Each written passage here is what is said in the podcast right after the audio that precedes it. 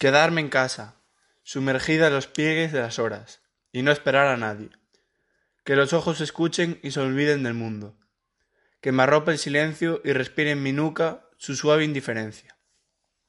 Que vivir sea esto, sin palabras de aguja, ni rodillas de llanto, con el tiempo desnudo al borde de la cama y mi boca dormida en su tímido beso.